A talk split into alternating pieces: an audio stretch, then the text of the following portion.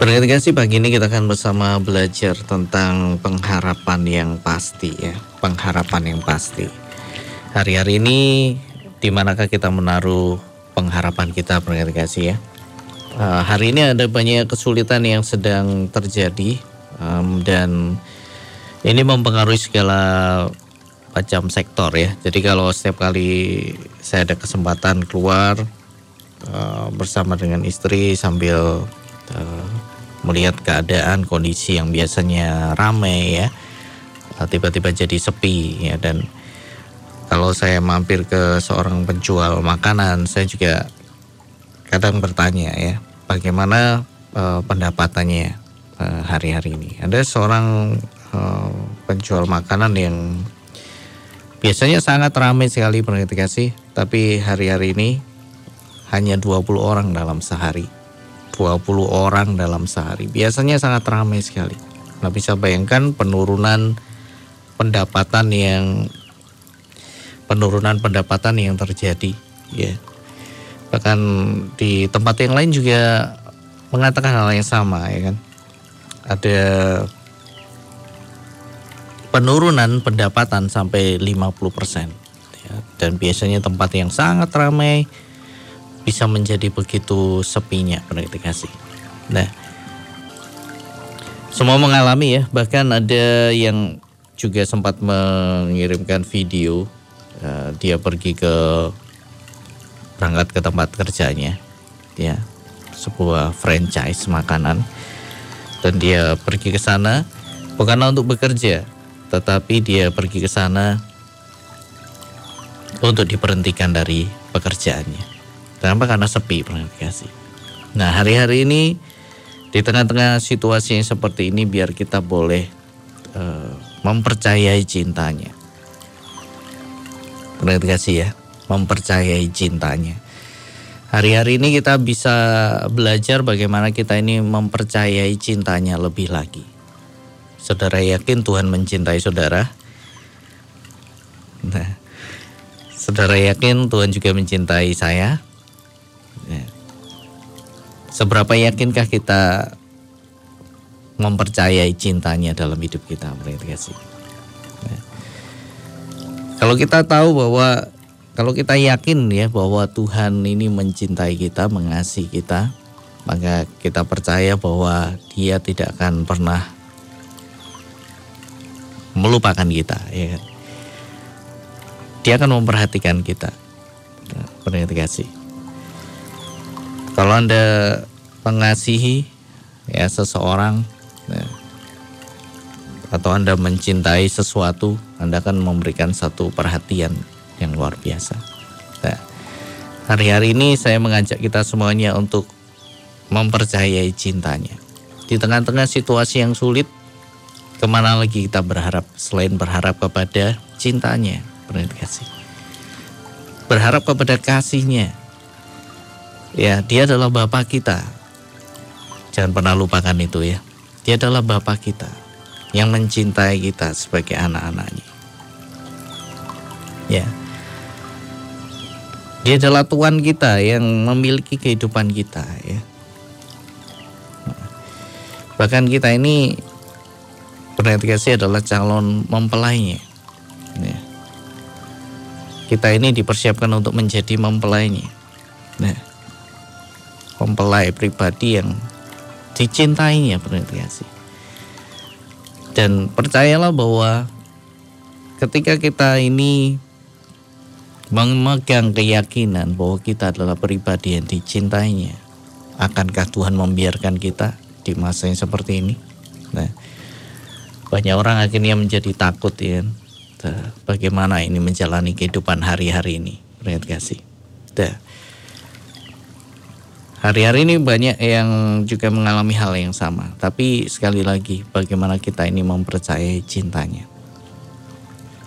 kasih. Ada seorang hamba Tuhan yang dalam masa-masa seperti ini ya, ada satu kesaksian bahwa selalu ada yang mengirim makanan ke rumahnya, ya, lewat uh, pemesanan makanan online. Jadi makanan itu terus berdatangan di rumahnya Itulah satu bentuk ya satu bentuk pemeliharaan Tuhan yang luar biasa ya kan. Bagaimana Tuhan ini memelihara kita dengan caranya yang ajaib. Ya, kenapa? Karena Tuhan mencintai ya setiap orang yang berharap kepadanya. Karena itu biar hari-hari ini kita mempercayai cintanya. Entah bagaimana Tuhan akan memberkati kita ya. Entah bagaimana Tuhan akan membuka jalan dan tidak ada seorang pun yang tahu. Dan seorang hamba Tuhan ini pun juga tidak pernah tahu ya. Kalau cara Tuhan salah satunya adalah dengan ya dengan ada kiriman makanan nih tidak tahu siapa yang mengirim ya kan. Nah, kiriman makanan terus berdatangan. Itu adalah satu kesaksian yang luar biasa. Bukan hanya untuk kalangan pengusaha ya, kasih. Uh, ini juga uh, dampaknya sangat luas. Nah, termasuk ada hamba-hamba Tuhan kasih tertentu yang biasa diundang jadi pembicara. Nah, kasih ya. Dan biasa di situ ada persembahan kasih yang diberikan ya dan dia harus juga memberikan kepada orang-orang yang tergabung dalam pelayanannya. Itu juga berdampak ke hal-hal yang seperti itu kasih. Nah, jadi ada hamba-hamba Tuhan yang memiliki satu tim tertentu, ya kan, dan mereka menjadi full timer. Nah, dan biasanya hamba-hamba Tuhan ini diundang menjadi pembicara ke sana kemari, ya dan untuk membagikan apa yang didapat kepada orang-orang yang tergabung dalam full timer itu. Nah, kalau semuanya tiba-tiba berhenti, ya kan, tidak ada ibadah, berarti kasih, maka ini saatnya ya kita ini benar-benar ditantang imannya bagaimana kita mempercayai Tuhan mempercayai cintanya dalam hidup kita. Ya. kalau kita percaya dia adalah Bapak kita percayalah bahwa dia tidak akan pernah membiarkan kita. Ya dia tidak akan pernah membiarkan kita. Tetap akan bisa makan minum berpakaian. Ya tetap bisa melakukan ini dan itu berarti kasih. Nah, kita akan baca ya bagaimana kita ini tetap memiliki pengharapan di dalam Tuhan. Mempercayai cintanya dalam hidup kita. Dalam Ibrani 13 ayat yang ke-5 dan seterusnya. Ibrani pasal 13 ayat yang kelima dan seterusnya. Janganlah kamu menjadi hamba uang dan cukupkanlah dirimu dengan apa yang ada padamu karena Allah telah berfirman, Aku sekali-kali tidak akan membiarkan engkau, dan aku sekali-kali tidak akan meninggalkan engkau. Sebab itu dengan yakin kita dapat berkata, Tuhan adalah penolongku. Aku tidak akan takut apakah yang dapat dilakukan manusia terhadap aku. Jadi di sini dalam Ibrani pasal 13 ayat yang kelima dan seterusnya ya kita diajar untuk menjaga diri kita untuk merdeka dari cinta akan uang, untuk bebas dari cinta akan uang, ya. Karena Tuhan telah berkata, Tuhan telah berfirman, tidak akan pernah ya di terjemahan yang lain. Tidak akan pernah aku meninggalkanmu dan tidak akan pernah aku melupakanmu. Ini adalah janji Tuhan kasih buat orang-orang yang dicintainya. Tuhan tidak pernah meninggalkan. Tuhan juga tidak akan pernah melupakan. Jadi dalam situasi yang seperti ini pun tetap percaya bahwa Tuhan tidak pernah meninggalkan dan Tuhan tidak pernah melupakan. Itu adalah janji Tuhan. Benar kasih.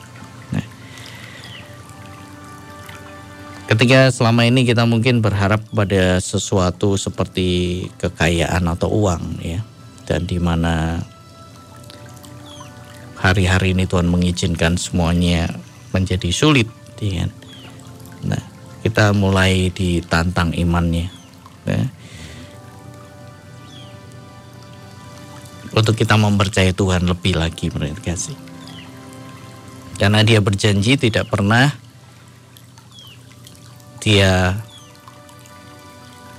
meninggalkan kita dan tidak pernah dia melupakan kita. Seringkali dalam hidup ini kita ini eh, jauh lebih menghargai uang daripada Tuhan ya.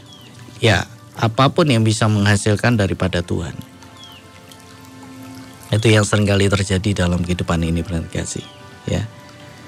Kita sih uh, sering bisa berkata mengandalkan Tuhan ya, tapi pada kenyataannya kita lebih sering mengandalkan pekerjaan kita di mana kita berada yang sepertinya menjanjikan ya. Kita lebih mengandalkan kemampuan kita dan dengan kemampuan itu kita diundang ke sana kemari dan mendapat penghasilan misalkan atau dalam uh, hal-hal yang rohani kasih ya uh, kita sering kali mengandalkan kefasihan berbicara misalkan. Uh, ketenaran yang membuat akhirnya diundang ke sana kemari dan menerima sesuatu ya kan? Nah tapi hari-hari ini kita ini uh, mulai diajak untuk kembali mengandalkan satu-satunya pengharapan yang pasti kasih pengharapan yang pasti. Nah, sering kali kan kita mengabaikan Tuhan ya. Kita sering kali lebih menghargai uh, apa yang kita andalkan itu perbandingannya antara emas dan kayu. Ya, kita sering kali menganggap hal-hal yang kita andalkan itu seperti emas. Ya. Kan? Kemudian kita mengabaikan Tuhan dan Tuhan dijadikan hanya seperti kayu? Seperti kayu, ya kan? Perbandingannya antara emas dan kayu, yang satu sangat dihormati ya, emas ya. Disimpan dengan baik pokoknya selalu diperhatikan yang kayu diabaikan. Tapi kalau terjadi banjir ya air bah kasih ya?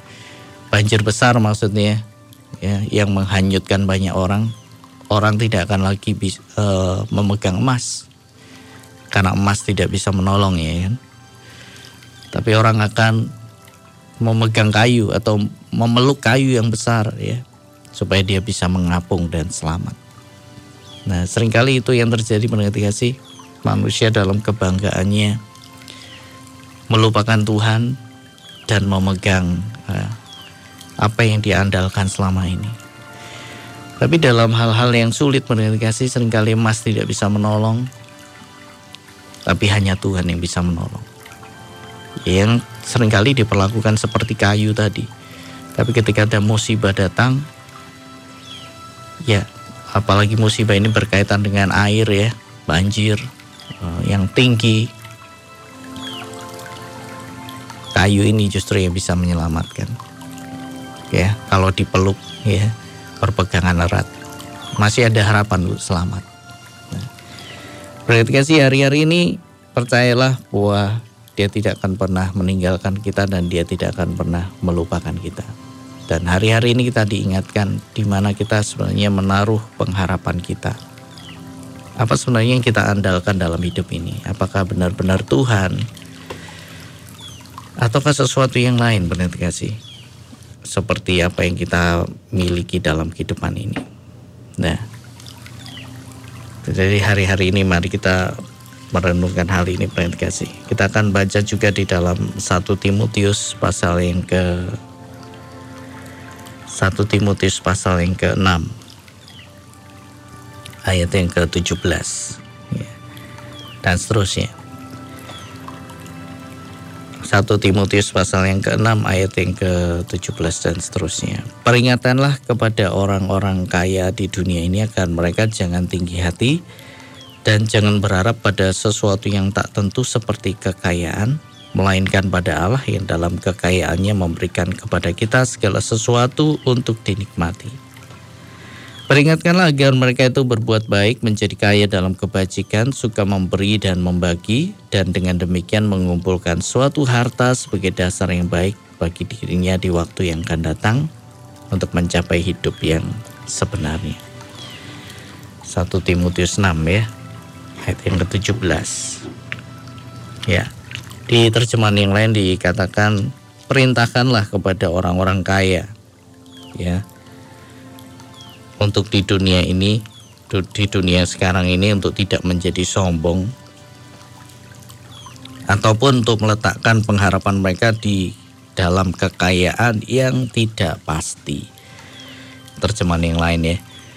Jadi harta kekayaan ya itu adalah sesuatu yang tidak pasti menurut kasih. Ya. Apa yang kita andalkan kekayaan bisa bicara tentang hal-hal yang lain ya. Yang tidak pasti. Segala bentuk pengharapan di luar Tuhan adalah pengharapan yang tidak pasti. Ya.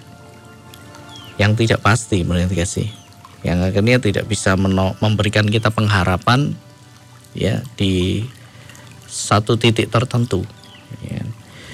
sering kali kekayaan itu menjadi suatu kebanggaan dan menjadi suatu perasaan aman ya Pokoknya kalau punya banyak uang itu rasanya aman begitu ya. Rasanya tenang begitu. Rasanya jadi orang kuat nih. Jadi orang berkuasa. Setiap omongannya didengar dan ditakuti. Kenapa? Karena punya uang. Ya begitulah kenyataannya berarti kasih. Ketika orang punya uang banyak ya berbicara, wah perkataannya didengar mengerti gak sih? Nah, orang takut untuk menyakiti hatinya. Kenapa? Karena kaya, mengerti gak sih ya? Pokoknya orang takut macam-macam dengan dia, apalagi dengan anak-anaknya dan keluarganya. Nah, tidak berani menyinggung sedikit pun, mengerti gak sih? Beda kalau orang miskin, ya kan? Kalau bisa diinjak-injak, ya. itu ya sering kali terjadi. Kalau menghina pun saya seenaknya. Kenapa? Karena miskin, dianggap tidak punya apa-apa. Ya. Dianggap tidak bisa memberikan apa-apa. Nah itu yang sering kali terjadi. Ya.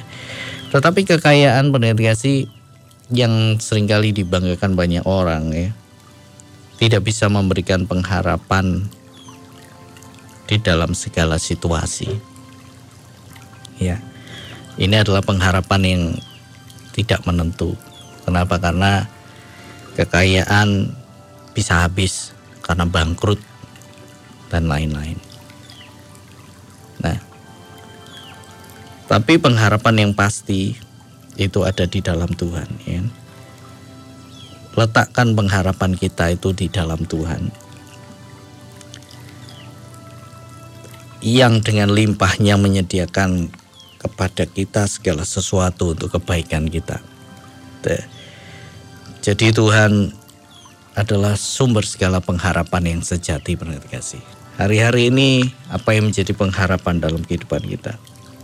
Ya. Banyak dari kita berkata mengandalkan Tuhan, mengandalkan Tuhan, tapi pada kenyataannya kita sering kali cuma di bibir saja mengandalkan Tuhan. Ya, padahal ada banyak hal yang kita andalkan dalam hidup ini yang justru kita dalam hal itu melupakan Tuhan. Ya kan? Kita lebih mengandalkan kepintaran kita, kemampuan kita, apa yang kita miliki dan lain sebagainya. Nah, biar hari-hari ini kita uh, belajar kasih bagaimana kita meletakkan pengharapan benar-benar kepada Tuhan. Dia adalah pengharapan yang pasti yang sanggup menyediakan segala yang kita perlukan. Bagaimana kalau hidup ini sulit ya? E, usaha sulit hari-hari ini tidak ramai seperti biasanya. Ya. Mari kembali mempercayai Dia dalam sebagai pengharapan yang pasti dan mari kita mempercayai cintanya. Hari-hari ini mari kita mempercayai cintanya sekali lagi bahwa dia tidak akan pernah meninggalkan dan dia tidak akan pernah melupakan saudara dan saya. Ya. Masih percayakan cintanya Tuhan? Kalau kita percaya, tidak usah takut. Ya. Bagaimana kalau takut? Ya ingat kembali cintanya Tuhan ya. Siapakah kita? Siapakah Tuhan? Kita ini anaknya. Dia Bapak kita, kita anaknya. Berarti kasih ya. Bapak mana yang kalau anaknya minta roti dikasih sesuatu yang lain. Nah, nah kita minta roti dikasih batu nggak mungkin ya. Kalau bapak kita di dunia saja rela tidak makan supaya anak-anaknya makan. Ya kan ada yang sudah jadi orang tua yang pernah mengalami masa sulit pasti tahu ya bagaimana rasanya. Rela tidak makan supaya anaknya makan. Ataupun kalau ada makanan rela makan lebih sedikit supaya anaknya bisa makan lebih kenyang. Ya, pernah dikasih. Jadi percayai cintanya Tuhan. Kalau saudara yakin bahwa dia adalah Bapa, ya, dia jauh melakukan hal yang lebih luar biasa dari Bapak kita yang di dunia. Jadi kalau Bapak kita yang di dunia yang yang dalam tanda kutip ya jahat ya tahu memberi pemberian yang baik kepada anak-anaknya apalagi Bapamu yang di surga berarti kasih kalau Bapak di dunia saja rela ya itu tadi makan lebih sedikit supaya anaknya makan lebih kenyang ya makan dengan lauk yang sederhana supaya anaknya bisa makan dengan lauk yang lebih bergizi. Bisa jadi orang tua makan kerupuk, nasi dan kerupuk supaya anaknya bisa makan nasi dan daging. Ya, supaya anaknya bisa lebih sehat benar kasih. Apalagi Bapak kita yang di surga. Dia sudah relakan anaknya benar kasih. Anaknya yang tunggal untuk mendapatkan saudara dan saya. Nah, cintanya itu sangat besar. Ya, kalau anaknya saja direlakan. Nah, apalagi masalah penghidupan kita hari-hari ini berarti kasih. Percayai cintanya. Ya. Kenapa seorang anak tidak pernah khawatir ya? Pernah jadi anak kan? Saya juga pernah jadi anak dan saya juga masih jadi anak. Berarti sih. Dulu Anda pernah jadi anak, sekarang jadi orang tua, tapi Anda tetaplah juga anak dari orang tua Anda. Dan, satu hal yang terjadi berarti kasih bahwa anak itu sering kali um, jauh dari pikiran khawatir ya. Anak apalagi yang masih kecil jauh dari mengerti uh, sesuatu yang sulit yang dihadapi.